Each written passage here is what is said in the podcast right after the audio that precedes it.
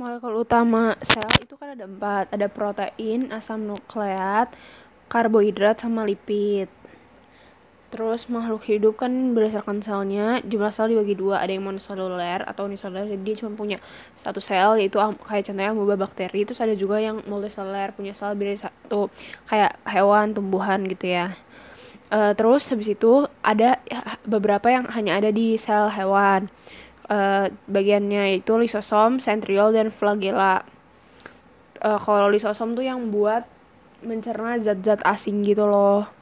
Terus habis itu uh, yang buat makanin toksik gitu-gitu fagositosis karena dia punya uh, enzim hidrolitik bisa buat mecah karbohidrat, lipid segala macam uh, which is itu adalah molekul utama dari bagian-bagian sel. Jadi kalau misalnya ada sel yang bagian sel yang udah rusak terus dipecah jadinya kan dia nggak bisa berfungsi lagi. Jadinya dia mati terus dimakan. Terus ada sentriol uh, sama flagella flagella kan alat gerak. Terus yang hanya di tumbuhan ada dinding sel kloroplas plasmodesmata vakuola sentral sama tonoplas kloroplas kan uh, yang isinya tuh pigmen pokoknya dia tempat fotosintesis. Itu kenapa cuma ada tumbuhan. Kalau plasmodesmata itu kan buat keluar masuknya air zat apa segala macam. Karena dia tadi punya dinding sel jadi itu uh, gak bisa sembarang masuk gitu loh. Kayak harus ada nggak semuanya sembarangan masuk. Jadi kayak ya udah ada tempat buat transportasinya. Terus ada tonoplas. Terus habis itu uh, ada vakuola sentral. Kenapa dia ada vakuola? Kalau di tumbuhan vakuola itu lebih gede daripada hewan. Karena tumbuhan kan autotrof. Tumbuhan tuh bisa uh, bikin uh, glukos, bisa bikin energi sendiri kan. Jadinya dia punya butuh tempat buat nyimpen si makanan tadi gitu loh. Sedangkan kalau tuh hewan kan nggak nggak bisa creates their own energy uh, apa glukos gitu loh. Terus uh, dinding sel, dinding sel itu kan gunanya buat pelindung sama pemberi bentuk buat selnya dinding sel yang pasti dibagi ada tiga dinding sel primer, sekunder, sama lamela tengah. Ingat bentuknya ya. Kalau yang paling tengah itu kan lamela tengah. Terus habis itu uh, yang keluar dikit ada uh, dinding sel primer. Dinding sel primer ini lebih kecil daripada terus habis itu keluar lagi dinding sel sekunder. Dinding sel sekunder ini lebih tebal daripada dinding sel primer. Terus habis itu uh, apa namanya? Kalau misalnya dinding sel primer ini penyusun utamanya selulosa, hemiselulosa, dan pektin. Kalau dinding sel sekunder itu selulosa microfibrillis dan lignin. Nah, terus habis itu ada lamela tengah. Lamela tengah ini matriks pengisi interseluler, tersusun dari pektin, lignin, dan protein. Lanjut ada biomembran. Mem biomembran itu kayak selaput tipis yang gunanya buat ngelindungin si selnya ini. Dia tuh kayak pintunya sel buat keluar masuk zat-zat gitu. Terus dia uh, susunannya dari protein, lipid, karbohidrat sama kolesterol. Fungsinya kayak ya udah dia buat karena dia di luar berarti dia buat komunikasi, buat ngembatasin si sel sama ling selnya sendiri sama ling lingkungan luar. Terus buat fasilitasi uh, berlangsungnya reaksi metabolisme. Dia membuat mem membantu mempertahankan keadaan seimbang pada medium internal sel secara terus-menerus. Terus ya tadi sama buat memindahkan molekul organik tertentu untuk masuk uh, ke dalam atau keluar sel. Penyusun biomembran tadi protein, lipid, karbohidrat dan kolesterol. Uh, lipid. Nah, lipid itu tuh dia ada dua, ada yang polar sama yang non polar. Kalau yang polar dia berikatan sama molekul protein. Kalau yang non polar dia uh, berada di bagian dalam. Terus habis itu ada prote lapisan protein lapisan protein ini ada di paling luar. Jadi kan lapisan protein itu hidrofilik. Terus habis itu di tengahnya hidrofobik terus ke dalam lagi hidrofobik pokoknya yang paling luar tuh protein terus habis itu ingat ya terus habis itu fosfat terus lipid. Terus uh, protein itu ada pro dua ada protein integral sama protein perifer. Kalau integral itu yang dia nembus integral.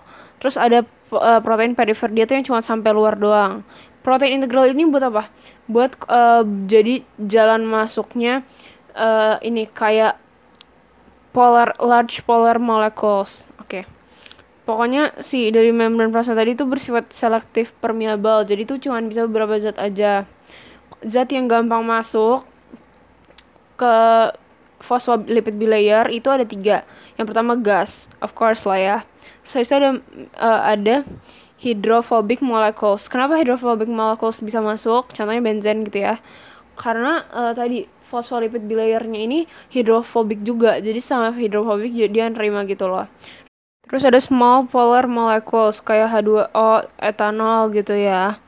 Terus selanjutnya, uh, nah kalau yang kayak large polar molecules sama charge molecules, charge molecules ini uh, yang berion, bermuatan. Itu gimana masuknya? Dia nggak bisa masuk dengan gampang. Kalau large polar molecules masuknya dengan difusi terfasilitasi melalui tadi si protein integral. Nah, sedangkan kalau misalnya yang charge molecules itu masuknya lewat protein channel. Oke, lanjut uh, transfer aktif ada transfer aktif primer dan sekunder terus ada endositosis eksositosis komposisi kimia membran tadi kan ada lipid fosfogliser dia ter, itu isi dari fosfogliserida mengandung lemak gliserol dan gugus fosfat terus ada me, terus habis itu memiliki bagian hidrofobik dan bagian polar terus habis itu ada sphingolipid terbentuk dari basa rantai panjang yang terhidrolisasi dan bukan berbentuk gliserol. Terus habis itu ada kolesterol. Terdapat dalam membran plasma hewan. Gugus hidroksil dari kolesterol bersifat hidrofilik. Uh, gugus hidroksil dari kolesterol ini oh, amin dari kolesterol itu bersifat hidrofilik, meregulasi uh, fluiditas atau ketidakstabilan membran sel, yang penting untuk menjaga bentuk sel. Uh, terus habis itu ada protein. Protein itu tadi kan terdapat dalam atau di permukaan. Kalau yang di dalam itu tadi yang protein integral, kalau yang di luar itu yang uh, protein apa itu namanya? Per perifer.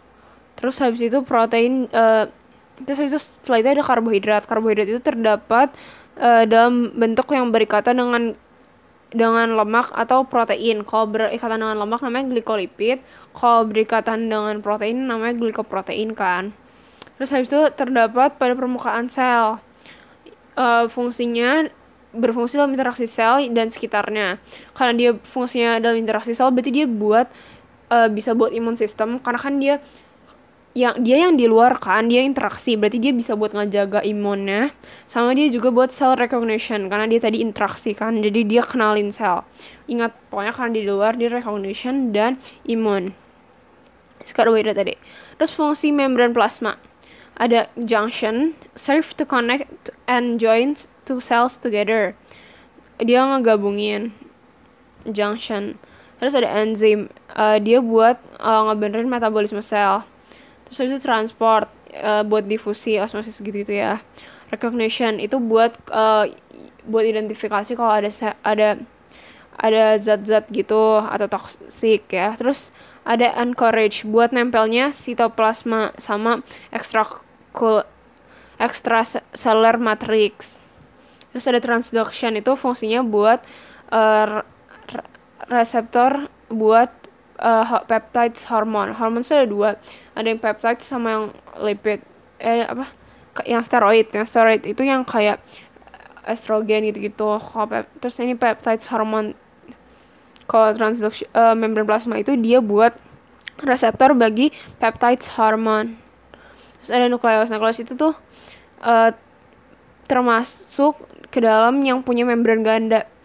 Yang bermembran ganda itu ada tiga kan nukleus mitokondria sama kloroplas jadi kalau nukleus itu dibatasi oleh membran inti, mengandung benang kromatin dan nukleolus. Terus habis itu punya pori-pori. Pori-pori itu buat apa? Buat jalan keluar RNA. Karena kan nukleus tadi tuh dia bikin transkripsi dulu itu kan. Terus jadi dia buat keluarnya RNA. Terus habis itu ada benang kromatin.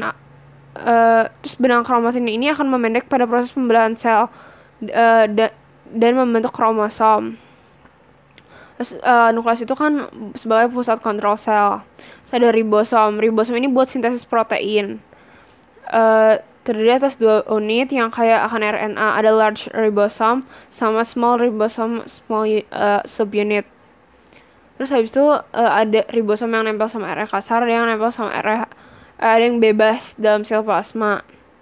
Terus ribosom itu kerjanya buat terjemahin mRNA untuk membentuk rantai polipeptida menggunakan asam amina yang dibawa tRNA pada proses translasi. Terus ada endomembran system. uh, itu terdiri dari 6 ya, selubung nukleolus, RE, aparatus Golgi, lisosom, vakuola, sama membran sel. Terus RE, ada RE kasar sama halus. Kalau halus itu buat sintesis uh, lipid, buat metabolisme karbohidrat, sama detoxify toxic. Kalau RE kasar itu buat protein sintesis dan modifikasi protein. Pokoknya kalau kasar itu fokusnya sama protein kasar protein buat modifikasi maupun buat sintesis. Kalau smooth itu buat lipid sintesis, karbohidrat juga sama detoxify toxic. Karbohidrat metabolism sama detoxify toxic.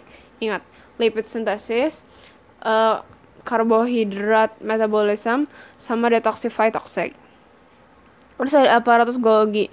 Dia itu uh, buat pro, dalam berfungsi dalam memprosesan protein ada glikolisasi yaitu penambahan uh, karbohidrat, fosforilasi penambahan fosfat, sama sulfasi penambahan sulfat. Terus dan proteolisis selektif. Menyortir dan mendistribusikan produk-produk RE. Jadi kan uh, eh, RE kan ini kan tadi yang sintesis lipid, bla bla protein semuanya. Karbohidrat itu dia uh, yang distribusin si aparatus Golgi tadi mengemas bahan-bahan sekresi yang dilepaskan dari sel, terus mentransportasikan dari Golgi melalui pembentukan vesicula. Terus ada lisosom. Lisosom itu tadi ya, yang fungsinya buat mencerna bagian-bagian sel yang rusak atau zat asing yang masuk ke dalam sel. Kenapa dia bisa kayak gitu? Karena dia mengandung enzim hidrolitik yang mecah karbohidrat, protein, asam nukleat, uh, lipid, which is itu adalah komponen utama dari sel-sel itu. Terus habis itu vakuola. Vakuola itu kan buat cadangan makanan. Dia cuman dia lebih besar dan lebih banyak di tumbuhan daripada di hewan. Uh, kalau di tumbuhan dia juga mengandung pigmen. Terus dia mengandung butir garam organik, glikosida, butir padi dan enzim. Dia memiliki tonoplasma. Tonoplasma itu sel uh, pembatas antara vakuola dan sitoplasma. Jadi intinya si tonoplasma ini tuh yang nge-wrap si vakuola. Terus habis itu fungsinya fungsi tanoplasma itu buat mengangkut zat terlarut ke laut masuk vakuola dan dengan mengendalikan potensial air. Jadi karena dia nge-rap vakuola, jadi dia otomatis yang bisa ngatur zat yang keluar masuk vakuola dengan cara ngendaliin potensial air. Mitokondria buat respirasi sel atau produksi ATP. Uh, eh, kayak lis kayak apa namanya tadi lisosom sama mitokondria ini tuh termasuk yang kayak nggak di semua tempat tuh sama jumlahnya nggak di semua bagian tubuh tuh jumlahnya sama. Mitokondria itu lebih banyak di bagian-bagian yang emang aktif yang butuh energi lebih daripada yang di tempat-tempat yang pasif atau diem aja gitu ya. Karena mitokondria tadi kan buat ATP terus lisosom kan dia buat cernain zat toksik. Kalau misalnya di hepar hepar itu kan uh, buat detoxify toxic jadi butuh lebih banyak pastinya. Kalau di hepar butuh lebih banyak lisosom daripada di tempat lain Terus mitokondria itu mengandung matriks mitokondria itu mengandung DNA, ribosom, dan enzim serta dapat bereplikasi sendiri. Jadi DNA itu ada yang ada tiga. DNA utama itu kan yang buat genetik gitu kan. Yang paling penting itu ada di nukleus. Terus DNA juga ada di mitokondria, DNA mitokondria sama ada juga di kloroplas. Oke. Okay. Terus habis itu uh, kloroplas kloroplas itu tadi ya tempat buat fotosintesis. Dia berarti punya klorofil dong of course. Terus dia tuh ada membran seperti bentuknya seperti cakram. Namanya tilakoid. Nah terus habis itu uh, ada cakram pipih yang bertumpuk membentuk grana yang memiliki fit fo uh, pigmen fotosintetik. Terus ada stroma cairan di mana grana bersuspensi. Jadi kalau yang cakramnya itu namanya tilakoid terus cakram pipih yang bertumbuk itu namanya grana terus ada cairan-cairannya yang di tempat grana tersuspensinya itu namanya stroma. Uh, terus of course ini karena buat fotosintesis berarti adanya di tanaman dan di beberapa protista yang itu yang dia bisa fotosintesis juga protisanya terus ada peroksisom peroksisom ini uh, apa namanya ngasilin hidrogen peroxide. Dia menghasilkan enzim jadi hidrogen peroxide ini tuh beracun buat tubuh. Oh karena itu peroks uh, si peroksisom ini ngasilin enzim katalase. Fungsinya buat ngurain si uh, hidrogen peroxide ini menjadi air dan O2 terus habis itu uh, jadi itu disebut dia juga detoxify toxic tadi kan. So ada cytoskeleton cytoskeleton itu skeleton rangka rangka internal dan fibrosa pada sel. Komponennya ada tiga mikrotubul mikrofilament sama filament intermediate. Dia gunanya buat menjaga bentuk sel hewan. Cytoskeleton cuma dari hewan kan bertanggung jawab dalam motilitas dalam sel. Motilitas itu pergerakan. Bertanggung jawab untuk pergerakan sel dan pergerakan eksternal, seperti pergerakan amoeboid dari sel darah putih dan migrasi sel selama perkembangan. Sitoskeleton juga berperan dalam pembelahan sel. Perbedaan mikrotubula sama mikrofilament. Sebelumnya bayangin dulu, namanya mikrotubula, berarti dia tubuh, tube, berarti bentuknya tabung. Dia itu suatu tabung yang silindris, berlubang, dan tersusun atas tubulin. Oke. Okay. Terus mikrofilament. Filament itu serat. Berarti dia itu bentuknya serat yang sangat kecil, padat, yang tersusun atas aktin. Ingat aktin itu apa? Yang kayak buat di otot yang gerak-gerak gitu kan. Ingat. Mikrofilament itu serat, uh, mikrotubulin itu bentuknya tabung, dia ter tersusun atas tubulin. Kalau mikrotubula yang tabung tadi itu berperan dalam pembelahan sel dan transportasi organel dalam sel si tabung tadi itu berperan dalam pembelahan sel dan transportasi organel dalam sel. Dia membentuk aparatus spindle yang memisahkan kromosom selama pembelahan sel. Dia perannya dalam pembelahan sel itu tadi membentuk aparatus spindle yang memisahkan kromosom selama pembelahan sel. Terus mikrofilament itu mendukung bentuk sel, berperan dalam kontraksi otot. Tuh, tadi kan dia tersusun atas aktin, dia berperan dalam kontraksi otot, membentuk bentuk mendukung bentuk sel. Terus dia juga ada siklolisis pergerakan komponen sitoplasma di dalam sel sama pergerakan amoeboid dan fagositosis. Mungkin itu ada hubungannya sama si tadi kontraksi otot tadi. Terus habis itu ada cilia dan flagella. Bayangin lu kalau cilia itu yang kecil-kecil pendek-pendek biasanya jumlahnya banyak. Kalau flagella itu yang panjang biasanya cuma satu. Uh, gunanya both of them for the cellular movement. Terus tersusun atas 9 mikrotubul Cytosol atas mikrotubule. Uh, consists of nine pairs of doublet microtubule uh, which surrounds the cilia sama two center microtubule. Terus habis itu sel itu ada prokaryotik sama eukaryotik. Kalau prokaryotik itu yang enggak punya inti sel. Contohnya bakteri Monera yang masih rendah gitu ya. Sama eukaryotik itu dia yang punya. Itu ada hewan, fungi, tumbuhan gitu. Kalau prokaryotik itu di, uh, dia berukurannya relatif kecil karena tadi dia nggak punya inti terus DNA-nya karena dia nggak punya inti juga kontak uh, dengan sitoplasma secara tidak langsung dalam sitoplasmanya mengandung ribosom terus selnya dibungkus oleh plasma membran dinding luar sel yang kompleks pili sama beberapa flagella terus habis itu strukturnya sitoplasma materi genetik membran sel ribosom flagella sitoplasma karena tadi sitoplasmanya itu ber berkontak sama DNA secara tidak langsung terus materi genetik of course dia punya. Terus membran sel ribosom sama flagella five of them.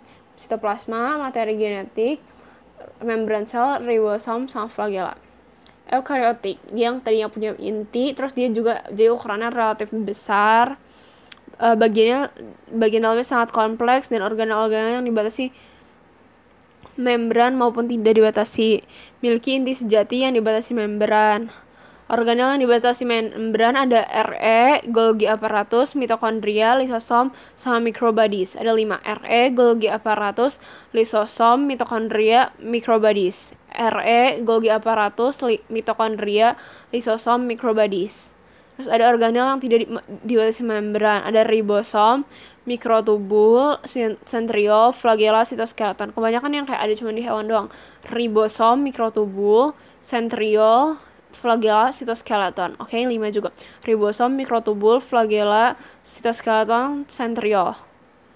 Terus kalau di hewan dia dibatasi oleh membran saja dan uh, beberapa flagella. Kalau di tumbuhan dia dibatasi membran dan dinding sel yang kaku. Ingat tumbuhan yang punya dinding sel uh, memiliki vakuola pusat, uh, kloroplast, terus dia nggak punya centriole, uh, terkadang dia nggak punya flagella. Mengkaji mikroskop. Ada empat. Yang biasa digunakan light microscope sama electron microscope. Ternyata electron microscope ini consists of two transmission electron microscope term itu dia uh, translation jadi dia bisa ngelihat sampai detail ben apa organ-organ dalam sel kayak mitokondrianya nukleusnya yang benar yang kayak aktivitasnya di dalam sel. Terus ada scanning uh, electron microscope SEM dia cuman bisa ngeliat scanning aja cuman bisa ngeliat secara luar bentuk 3D-nya jadi kalau misalnya sel darah merah dia bisa lihat tuh bentuk pipi warna merah bla bla. Tapi kalau misalnya itu kalau pakai scanning kalau transmission electron microscope itu dia bisa lihat sampai detail lagi ngapain tuh di dalam sel darah merah. Kayak gitu